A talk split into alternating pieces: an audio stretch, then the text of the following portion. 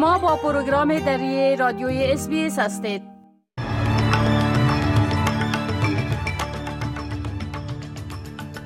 با عرض سلام من فضیلت تصمیم شما را به شنیدن مهمترین اخبار امروز دهم ماه اکتبر سال 2023 دعوت می کنم.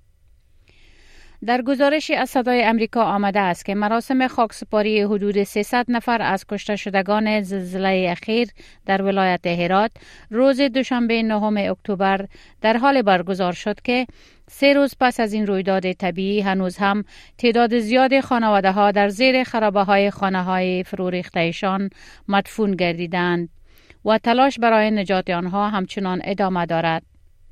بر اساس ارقام ارائه شده از سوی طالبان در این زلزله که شدت آن 6.3 ریکتر تشخیص شده است 2053 نفر در 13 قریه جان باخته و 1240 نفر دیگر زخمی شدند.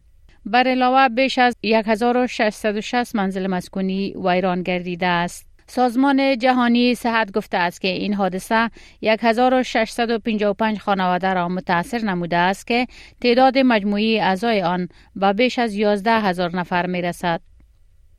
با آنکه مساعدت های ضروری مانند کمپل و خیمه به زلزله زدگان رسیده است. برخی باشندگان این ولایت از کمبود این کمک ها شکایت کردند. صدای امریکا در این مورد گزارش می دهد در حالی که زمستان در راه است فراهم آوری سرپناه برای به خانمان شدگان این زلزله کار بزرگی برای حکومت طالبان است.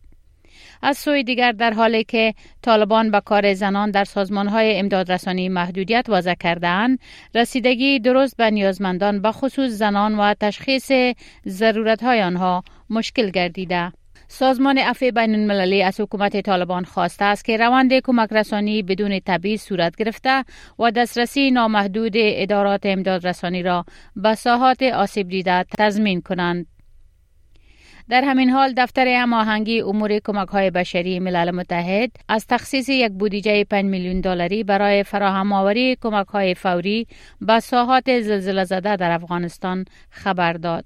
مبارزانی که خواستار ایجاد صدای بومیان در پارلمان هستند تلاش می کنند تا در روزهای پایان قبل از رفرندم شنبه پیروز شوند.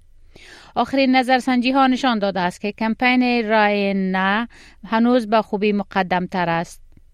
میل اینگرام فعال کمپین صدای بومیان می گوید که او در 65 سال گذشته برای حقوق بومیان مبارزه کرده است.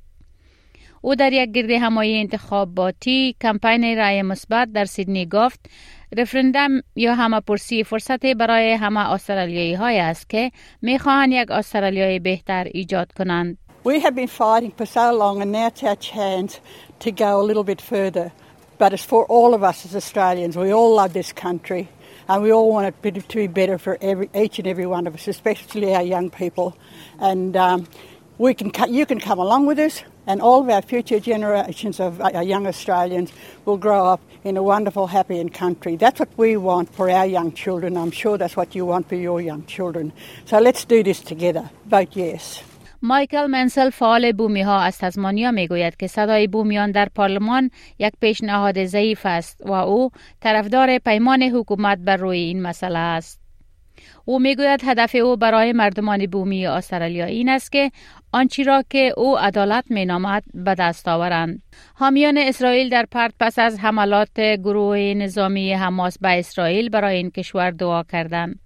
رسانه های اسرائیلی گزارش می دهند که بیش از 900 نفر در اسرائیل توسط شبه نظامیان حماس در غزه کشته شدند.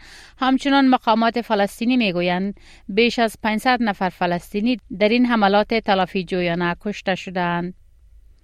یک گروه غیر انتفاعی طرفدار اسرائیل بینی اکیوا پرت ویدیویی را در اینستاگرام از جامعه خود در استرالیای غربی منتشر کرد که در میان خشونت ها برای اسرائیل دعا می کند.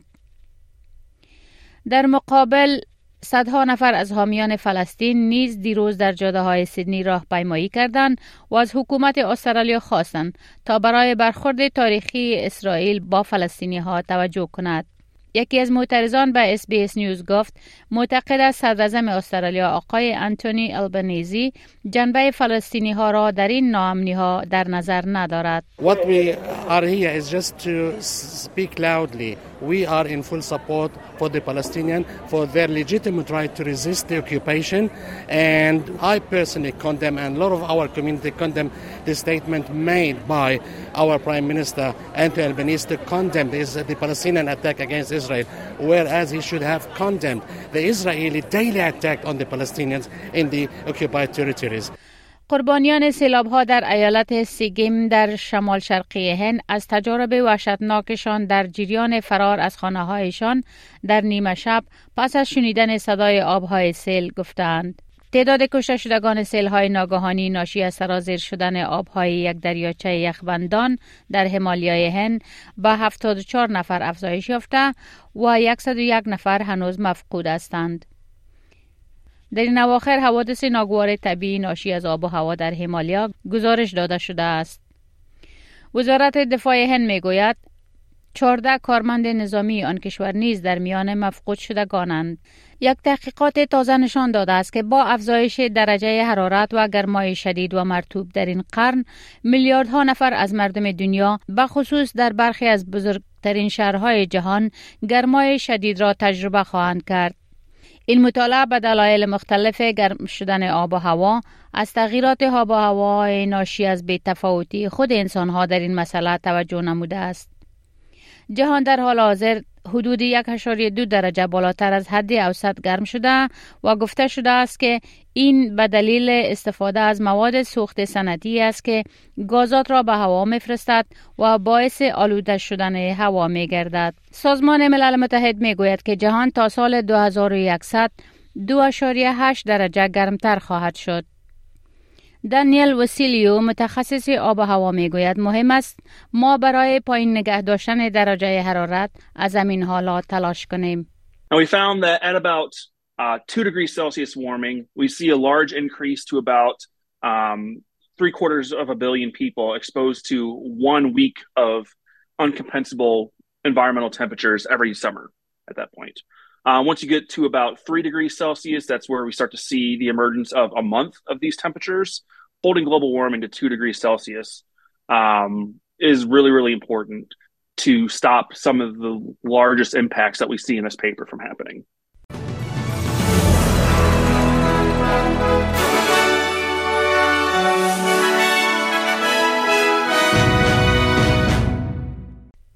و در اخبار سپورتی قهرمان بازی های فوتبال لامین یامال جوانترین گلزن تاریخ لالیگا شده است. این در حال است که تیم فوتبال بارسلونا از دو گل مقابل گرانادا پیروزی به دست آورد. لامین یامال در سن 16 سال تساوی دو مقابل دو بارسلونا با گرانادا را آغاز کرد.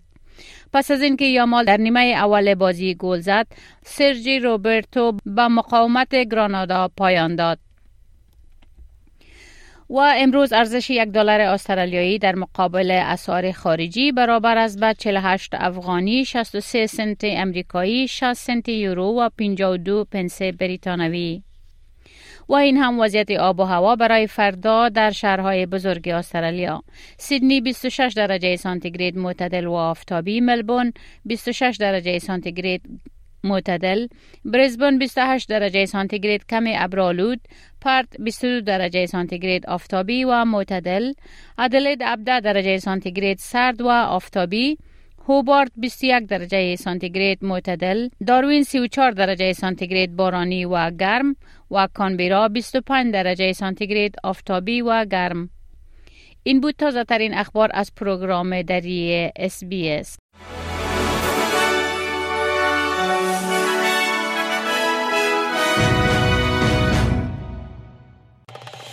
بپسندید شریک سازید و نظر دهید.